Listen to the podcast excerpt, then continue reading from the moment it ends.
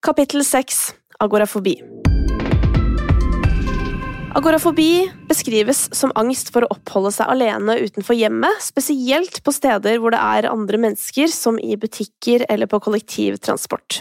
Men også på ubeskyttede steder som åpne landskap eller trange rom på kino, teater og lignende. Agorafobi rammer veldig mange med panikkangst. Hege fra Bergen fikk sitt første panikkanfall i mars 2017 og har vært gjennom et par runder med sykemelding før hun fikk god hjelp og sakte, men sikkert tok stegene fra å tørre å gå til postkassen igjen, så til butikken og så på bussen. Vi skal høre historien til Hege før psykologen vår Karina kommer inn med gode råd om hvordan man kan eksperimentere seg frem til å bli trygg i settinger som har blitt skumle av angsten.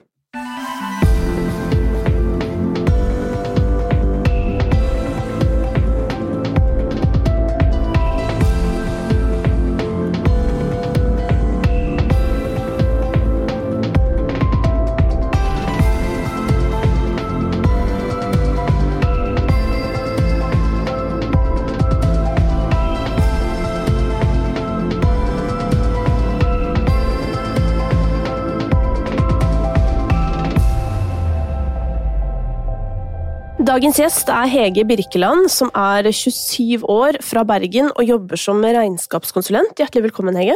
Takk. Så hyggelig at du hadde lyst til å komme til oss. Ja, takk for at jeg fikk komme. Du, det er jo sånn at eh, Vi pleier å begynne med at uh, gjesten som kommer til oss, forteller sin angsthistorie. Mm. Hva er din?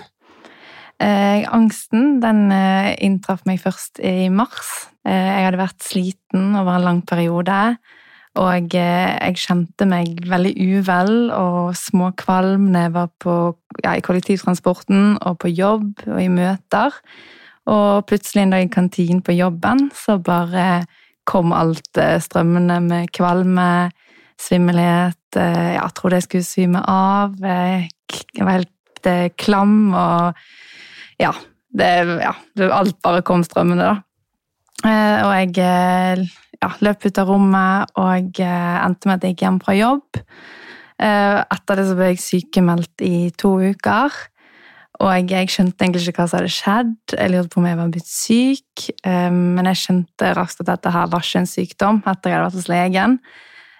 Og jeg forsto kanskje at det var angst, rett og slett, da, jeg hadde fått. Men hva skjedde når du Fordi du dro til legen etter denne hendelsen i kantina. Mm. Hva skjedde der? Eh, Han tok noen blodprøver, for jeg begynte å tenke sånn Jeg har sikkert uh, lavt jernnivå, eller uh, Ja, det måtte være en logisk forklaring på det, da. Men så var jeg helt frisk og fin, og alle prøvene var jo kjempefine. Uh, og da begynte jeg liksom bare å tenke litt, og fikk kanskje noen ja, signaler fra han at det kunne være noe psykisk, da. Mm. Hmm. Hva tenkte du da? Nei, jeg ble jo veldig sånn redd og tenkte at kanskje jeg holder på å bli gæren og ja, var veldig lei meg og egentlig, ja, veldig redd. Mm. Mm. Hva skjedde etter disse to ukene med sykemeldingen? da? Eh, Da bestemte jeg meg for å gå tilbake på jobb. Eh, Men jeg turde jo ikke ta bussen, jeg turde ikke være alene. Jeg turde omtrent eh, ja, så vidt å sitte på kontoret. Eh, Men jeg tenkte at jeg måtte bare komme tilbake på jobb.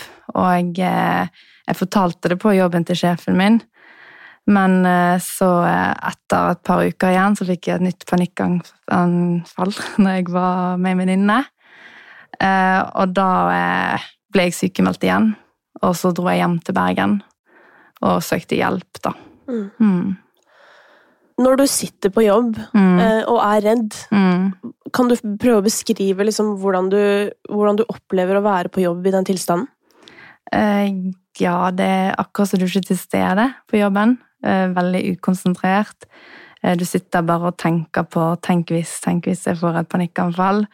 Og er konstant kvalm og svimmel og prøver å gjøre noe, men du føler liksom egentlig ikke du er til stede og greier nesten ikke å gjøre noe.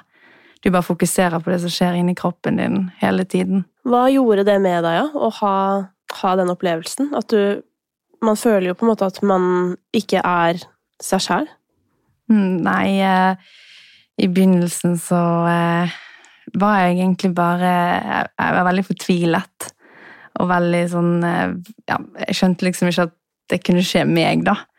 Som alltid har vært med på masse og ja. Og jeg Ja, jeg tenkte liksom bare at eh, det kommer aldri til å komme tilbake til mitt normale liv igjen, og hvordan skal jeg greie dette her, og ja. Jeg skjønte liksom ikke at eh, det gikk an å på en måte bli normal igjen, da. Mm. Mm. I dette kapitlet så skal vi jo snakke om agorafobi, som jo er på en måte frykt for å være på åpne plasser eller i trange rom eller Mm. i butikken eller i kø, altså egentlig nesten alle andre steder enn hjemme. Mm. Har du hatt en sånn konkret opplevelse i en sånn situasjon? Eh, ja, en konkret opplevelse var når jeg skulle ta fly til Bergen. Da i juni, da jeg ble sykemeldt igjen. Og eh, da jeg skulle gå inn i det flyet Jeg var ja, Jeg kan nesten ikke huske det, for jeg var, følte jeg var så ute av eh, verden. Mm. på en måte. Og når jeg kom inn på flyet, så det første jeg sa til flyvertinnen, var jeg håper dere med hjertet starter på denne turen her. For jeg trodde jeg skulle bare falle om. Mm. Så satt jeg på flyet, og jeg, flyvertinnen måtte sitte ved siden av meg og bare prøve å liksom få meg til å puste med magen. Og, men jeg følte bare Ja, jeg ville bare ut av det rommet, men det var ikke så lett å gå ut av et fly. Så jeg ja, måtte bare sitte der til jeg kom til Bergen, men det var det var kjempetøft, og jeg, jeg trodde ikke jeg skulle overleve den reisen der. Hvordan var det med andre ting? Sånne ting man må i dagliglivet? Gå i butikken, ta bussen? Eh, Å ta bussen og gå på butikken, det var det, altså, På et tidspunkt så trodde jeg ikke jeg skulle greie å gjøre det igjen. Eh, Det var Når jeg begynte å ta bussen igjen, så trodde jeg skulle spy hver gang jeg var inne på den bussen. Mm. Samme med butikken. Jeg unngikk å gå inn på butikken hvis jeg så det var mye folk. Og eh, ja, hvis jeg sto i køen, så ja, kunne jeg få skikkelig panikkanfall. Men jeg hadde som ofte kjæresten min med i begynnelsen, da, for jeg Mm. torde ikke å gå alene. Og da var det sånn at jeg måtte bare gå ut, og så måtte han handle ferdig. og ja. Mm. Jeg husker så godt eh, Ganske nylig etter jeg hadde fått mitt første panikkanfall, så skulle jeg til psykologen min, og jeg måtte ta toget dit. Mm. Og det her var jo på en måte så tidlig at jeg visste ikke hvor på en måte utbredt angsten min var enda. Jeg Mm. bare visste at jeg hadde hatt panikkanfall, og at det var det jævligste noensinne, og at jeg kunne bare ikke oppleve det igjen. Mm. Og så får jeg bare en sånn reaksjon som jeg var så sjukt ikke forberedt på å få. Mm. Altså, helt panikk. Mm. Det var, altså, det var helt uutholdelig, og det er så sjukt, for jeg har alltid elska å ta toget. Mm. Det har vært sånn det koseligste jeg vet, høre på noen sanger jeg liker, og bare Mm. kose meg, liksom. Men det var så jævlig. Mm. Og det får meg lyst til å bringe inn deg, Karina. Ja. Det gir meg lyst til å bringe inn deg, for dette med agorafobi, det er jo noe man veldig ofte får sammen med panikkangst. Ja, det er nesten alltid til stede sammen med panikkangst. Og hva er årsaken til det? Fordi eh, panikkangsten er så ekstremt brutal og ubehagelig, så vil man jo gjøre alt i sin makt. Det er sånn vi mennesker er innrettet, heldigvis, eh, i å unngå det. Og da kan man begynne å tolke visse situasjoner og settinger, eh, kanskje personer, opp mot økt sannsynlighet for å oppleve panikkangst. Mm. Eh, Så det er egentlig en, en fornuftig, god tilpasning. Intensjonen bak er god, men effekten det har, er ikke til hjelp. For det kan jo være veldig fint eh, å vite at hvis du tenker at eh, intensjonen er god og handler på den, altså begynner å unngå, eh, så er det jo ironisk nok sånn at man setter seg selv i en enda vanskeligere situasjon. I mange tilfeller så, med angst så er det sånn at det vi gjør for å hjelpe oss selv for å unngå angsten, igjen med fin intensjon, det er det som får angsten enten til å vedvare, eller som rett og slett forsterker angsten. F.eks. For eksempel med å begynne å unngå eh, steder eller personer, eller sikre seg på en bestemt måte. Det er jo sånn at eh, disse situasjonene som mange får angst i, altså på fly, buss, åpne plasser, kinosaler for den saks skyld, så er det jo ofte mange andre mennesker. Hvorfor er vi så redde for at noen på en måte skal se at vi får angst, eller kaster opp, eller Hva vil andre tenke om oss? Ikke sant? Det, er en, det er en ganske gjennomgående tanke. Det handler om at vi mennesker er flokkdyr vi trenger å høre til. Vi trenger å være en del av flokken for å overleve, rett og slett. Og det er en så stor del av vår natur. Så når vi får katastrofetanker om hva vi andre tenker, for eksempel, som er koblet til opplevelsen av skam Skam er noe vi alle har, men som vi helst ikke snakker om, og som blir større når vi ikke snakker om det. Og det er viktig å bringe inn i denne sammenhengen, fordi at eh, når vi opplever en tilstand av angst, for eksempel, så vil det være så ubehagelig, og veldig mange har tilhørende tanker om hva vi andre tenker om meg hvis de vet at jeg tenker disse tankene, eller hvis de visste hvordan jeg har det nå. Eh, man opplever det som pinlig, ofte. Eh, og det, den tanken gjør at man ikke deler, gjør at angsten vokser seg større, og kan rett og slett trigge for eksempel eh, panikkangst, eller gjøre at man isolerer seg. Mm. Alle disse katastrofetankene kan jo gjøre det ganske fristende å isolere seg. Er det noe du har hatt perioder med, Hege? Eh, ja, når jeg kom til Bergen, så eh, var jo jeg hele tiden inne. Jeg hadde ikke lyst til å ja, jeg hadde ikke lyst til å gå til postkassen en gang, alene. Hvis noen fulgte meg, så kunne jeg greie det, men det var liksom det å kunne greie å gjøre de tingene alene igjen, som gikk på automatikken før, mm. det var kjempevanskelig. Og ja, den første gangen jeg gikk til postkassen, det var det er helt rart å tenke på nå, men eh, det er en av de verste turene sikkert jeg har hatt i livet mitt. Å gå ut døren. Ja. Men kom du da til postkassen? Jeg kom til postkassen, ja. Men jeg trodde jeg skulle besvime på veien til postkassen. Mm. Fordi at bare det å gå utenfor den døren, bare det nesten å gå i etasjer i huset, en annen etasje enn det var andre folk, mm. familien min, det var kjempetøft. Kjempefint at du setter ord på dette, Hege, fordi eh, det er noe veldig mange vil kjenne seg igjen i, mm. men som veldig mange også vil oppleve at det er vanskelig å fortelle om eller sette ord på til andre. Fordi man ofte så godt vet at det er jo ikke farlig. Det er mm. ikke farlig å være i en annen etasje eller å gå ut i postkassen alene, men det oppleves så forferdelig når man er i den tilstanden av angst. Og det er den makten angstopplevelsen har over oss. Mm. Det tenker jeg er veldig viktig å belyse. Mm. Det er faktisk helt sjukt. Eh, vi kommer jo inn på det også i andre kapitler, men det der med eh, at man kan ha hatt liksom to panikkanfall, og så tør du ikke å gå til postkassen. Og så må du kanskje øve på å gå til postkassen 80 ganger, liksom, mm. for å komme tilbake til normalen. Det er ganske Det er brutalt. Og tenk om vi kunne snakke om dette som en tilstand. At det, er, det kan være normalt for mange, det å oppleve det i forbindelse med panikkangst. Så var det ikke så farlig, så kunne vi normalisere hva det vil si å oppleve angst. At da er det mange av disse tingene her som skjer, og hvordan hadde du det, og uten at man skal dyrke det, men å snakke om det med en åpenhet. Mm. mm. Katastrofetankene de er mange, og de kan handle om veldig mye forskjellig. Og til å begynne med så skjønner man jo ikke at det er det det er, for man tror jo at tankene er virkeligheten. Hvordan kan man kjenne igjen katastrofetanker? De kan ha mange former, men eh, en katastrofetanke handler jo om å tenke det verst tenkelige scenarioet. Eh, og ofte så kobler det seg på en følelse på det. Tanker påvirker følelsene våre, og når vi er i følelsenes vold, så tenker vi på en bestemt måte. Det vil si at når vi er eh, i angstens klamme klør, hvis jeg skal si det sånn, så, så, tenker vi jo i potensiell risiko. Vi tenker jo på alt det som kan gå galt. Og det er jo egentlig god overlevelse, for det hjelper oss til å se potensielle farer hvis vi tenker på at vi mennesker egentlig er jegere og samlere av natur, og har mange av disse beredskapene i oss som vi egentlig trengte på det tidspunktet hvor vi skulle jakte farlige dyr og beskytte oss fra farlige dyr og, og så videre. Mm. Hvordan kan man lære seg å ikke agere på disse katastrofetankene? Vi kan øve oss på å kjenne igjen eh, katastrofetankene.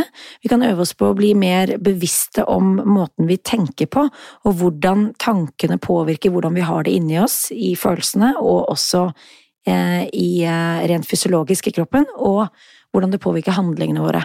Og på den måten så kan vi på en måte gjenoppta kontrollen, da vi har flere tusen tanker i løpet av en dag, det tenker vi jo ikke over, og det lærer vi heller ikke noe om. Ikke i, ikke i skolen, ikke eh, i arbeidssammenheng. Det er veldig lite kunnskap om psykologi og hva, hva, som gjør at Hvorfor vi tenker og føler og handler som vi gjør. Så jeg tenker at vi kan øve oss på å gjenkjenne tanker og legge merke til dem. Mm. Og stille kritiske spørsmål, forholde seg, forholde oss litt mer distansert til måten vi tenker på. Mm. Vi kan jo ta et konkret eksempel her. For det er ganske mange som eh, løper av både trikk og buss, eh, for eksempel. Eh, fordi man klarer ikke å være der mer. Mm. Fins det noen triks man kan bruke for å prøve da å eksponere seg ved å ta hele den turen man hadde planlagt? Eh, ja, det er flere, flere, triks, og der oppfordrer jeg egentlig den enkelte til å være nysgjerrig og, og, finne sitt eget triks. Det vil være kanskje litt ulikt hva som fungerer for, for ulike mennesker. Men én ting er ytre fokus, ha noe å, som kan oppta oppmerksomheten din, så du får fokuset bort fra å saumfare de små justeringene og endringene eh, helt på cellenivå, som gir næring til katastrofetanken.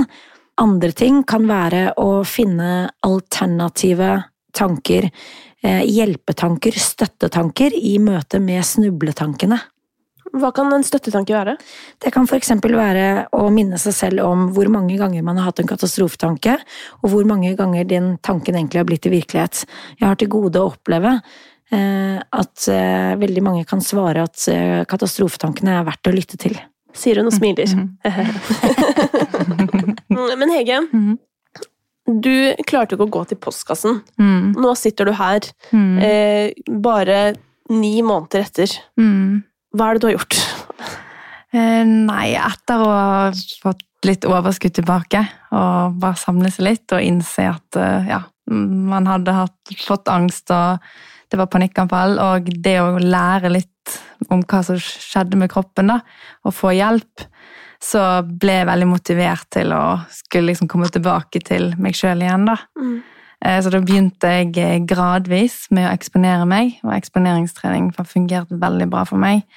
Og det å ta ett stopp med bussen, to stopp med bussen, gå en liten tur hver dag, og liksom kjenne at det blir bedre og bedre for hver gang. Og liksom det å bare tenke ok, det er greit at jeg er kvalm, det er greit at jeg er svimmel, det er ikke farlig.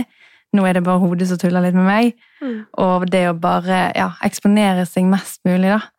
Eh, selvfølgelig må man også slappe av litt innimellom, og sånn, for det er jo veldig slitsomt. Det er veldig vanskelig for andre kanskje forstår forstå hvor slitsomt og hvor mye det tar på kroppen. Men i så fall så eksponeringstrening det har vært helt gull verdt. For det er nettopp det. altså Der er du inne på noe som jeg føler er viktig.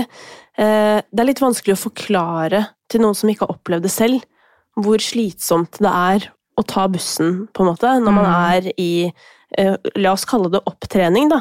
Men det er jo litt som å bli god på armøvinger, hvis du skjønner. Mm. Altså sånn der, det er akkurat som noen har tatt fra oss ferdigheten for en periode pga. tilstanden vi er i, og så må man trene seg opp til det igjen. Og da den liksom forknytte eh, følelsen man har i kroppen når man da prøver å gå inn i disse situasjonene som man egentlig har vært redd for, Mm. det gjør jo at man blir fysisk dritsliten. Mm. Det, er, det kan egentlig sammenlignes eh, med å løpe maraton og drive ekstremsport. Eksponering er knallhard jobbing, eh, på godt og vondt. Det som er det fine med det, er jo at man ser eh, kraften av sin egen påvirkning, altså, og det er jo en god ting. At du er avhengig av deg selv og din egen vilje, og at du kan påvirke opplevelsen din av, av eh, å lide under angsten. Samtidig så krever det enormt mye, og det syns ikke utenpå. Og det er også noe av det som er den største utfordringen nettopp med angsten. At vi kan ikke se det uten, utenpå. Mm. Og så tenker jeg også for, eh, for folk som ikke har opplevd det sjøl, og som sliter litt med å forstå hva som er så ille med det, på en måte. At kanskje det her med eh, å trene seg opp igjen, at det kanskje sier noe om hvor voldsomt det faktisk er å få panikkangst. Altså, det er så, det er så, det er så brutalt. Absolutt. Det er litt som å, å oppleve en livstruende situasjon, og den reaksjonen du får, en potensielt livstruende reaksjon, det er bare det at du får den reaksjonen uten at det er noen farlig situasjon. Det er en forferdelig opplevelse, og en eh, veldig eh, st- ekstremt sterk fysiologisk aktivering. Og så skammer vi oss litt på toppen av det, ikke sant? siden nettopp det ikke er noe som er farlig. Ikke sant? Det er en, det er en eh, ufarlig og naturlig reaksjon, men på helt feil tidspunkt. Men Hege, du kvitta deg jo på en måte ganske fort med skammen, fordi du var jo åpen Mm. ganske tidlig. Mm.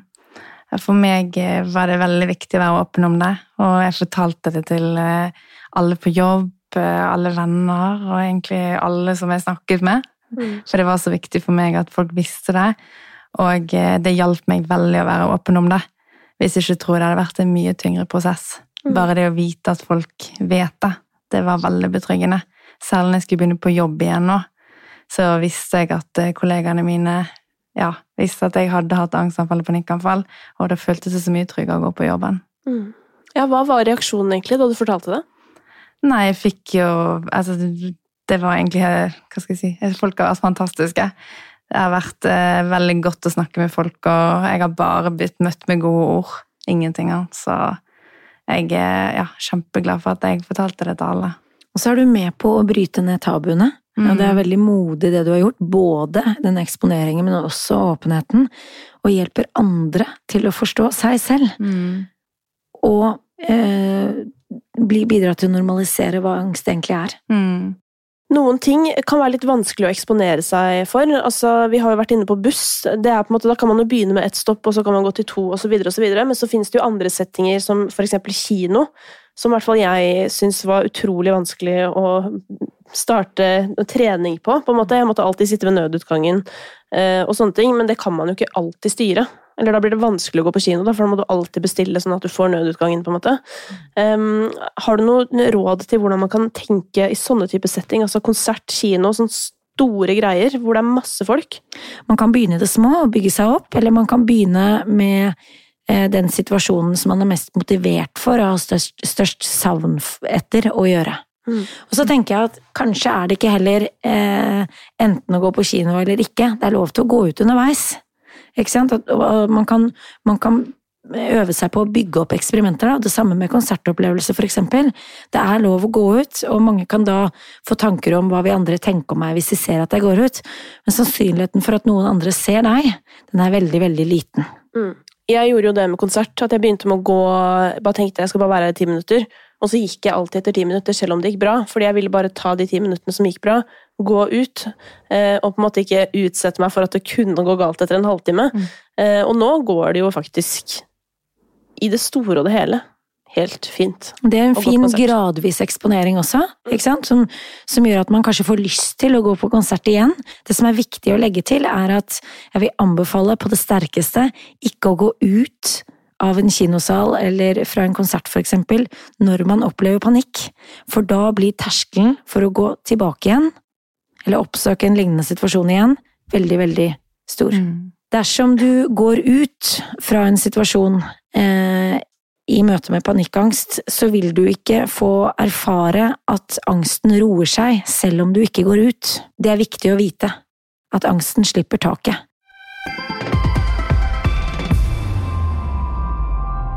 Hege, du fikk jo panikkangst. eh, Prøvde deg tilbake på jobb. Fikk panikkangst igjen. Og så ble du sykemeldt og dro hjem til Bergen. Eh, Hva var det viktigste du gjorde for å komme tilbake til hverdagen eh, etter tida i Bergen? Eh, Det viktigste jeg gjorde, det var å drive med aktiv eksponeringstrening. Eh, Men det måtte være gradvis, for jeg følte selv hvis jeg tok det for store steg, så ble jeg så skuffet. Mm. Så jeg prøvde å ta litt og litt for hver dag.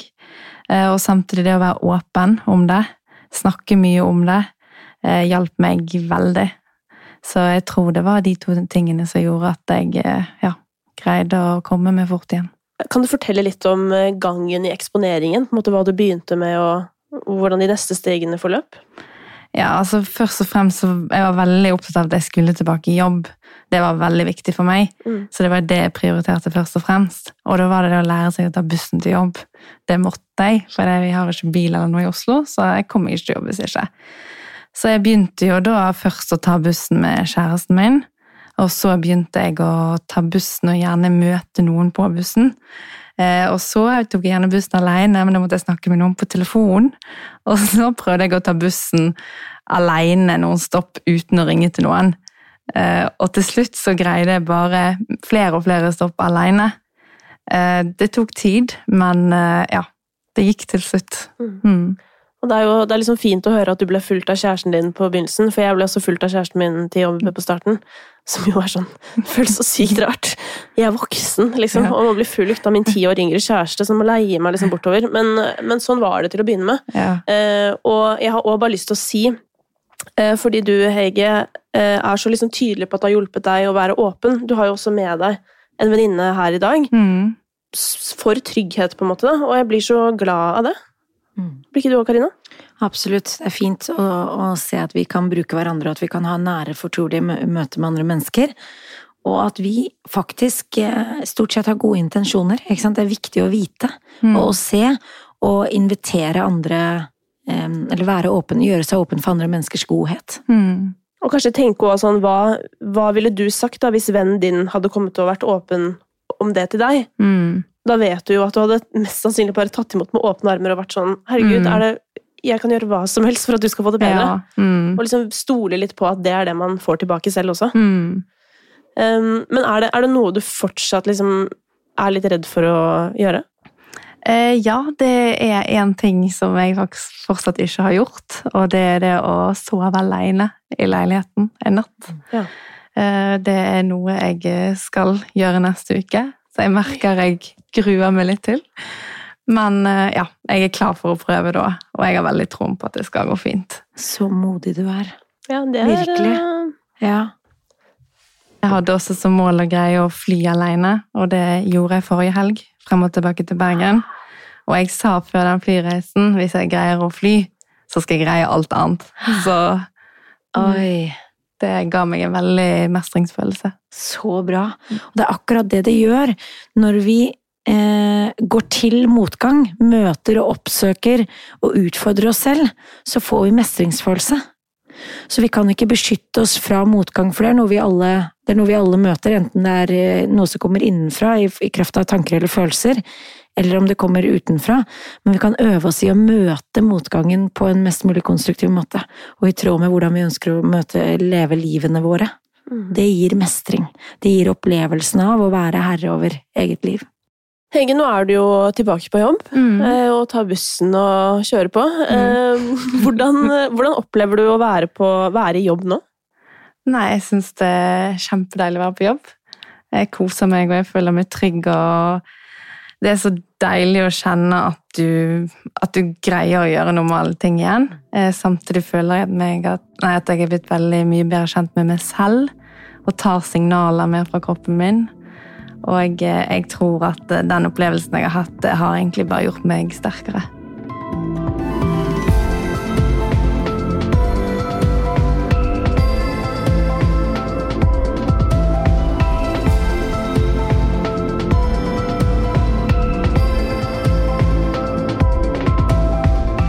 Dersom du har spørsmål eller har lyst på mer info om denne podkastserien, så kan du gå til noiapodkast.no. Og tusen hjertelig takk til Ekstrastiftelsen og Rådet for psykisk helse, som har gitt oss midler til å virkeliggjøre dette prosjektet.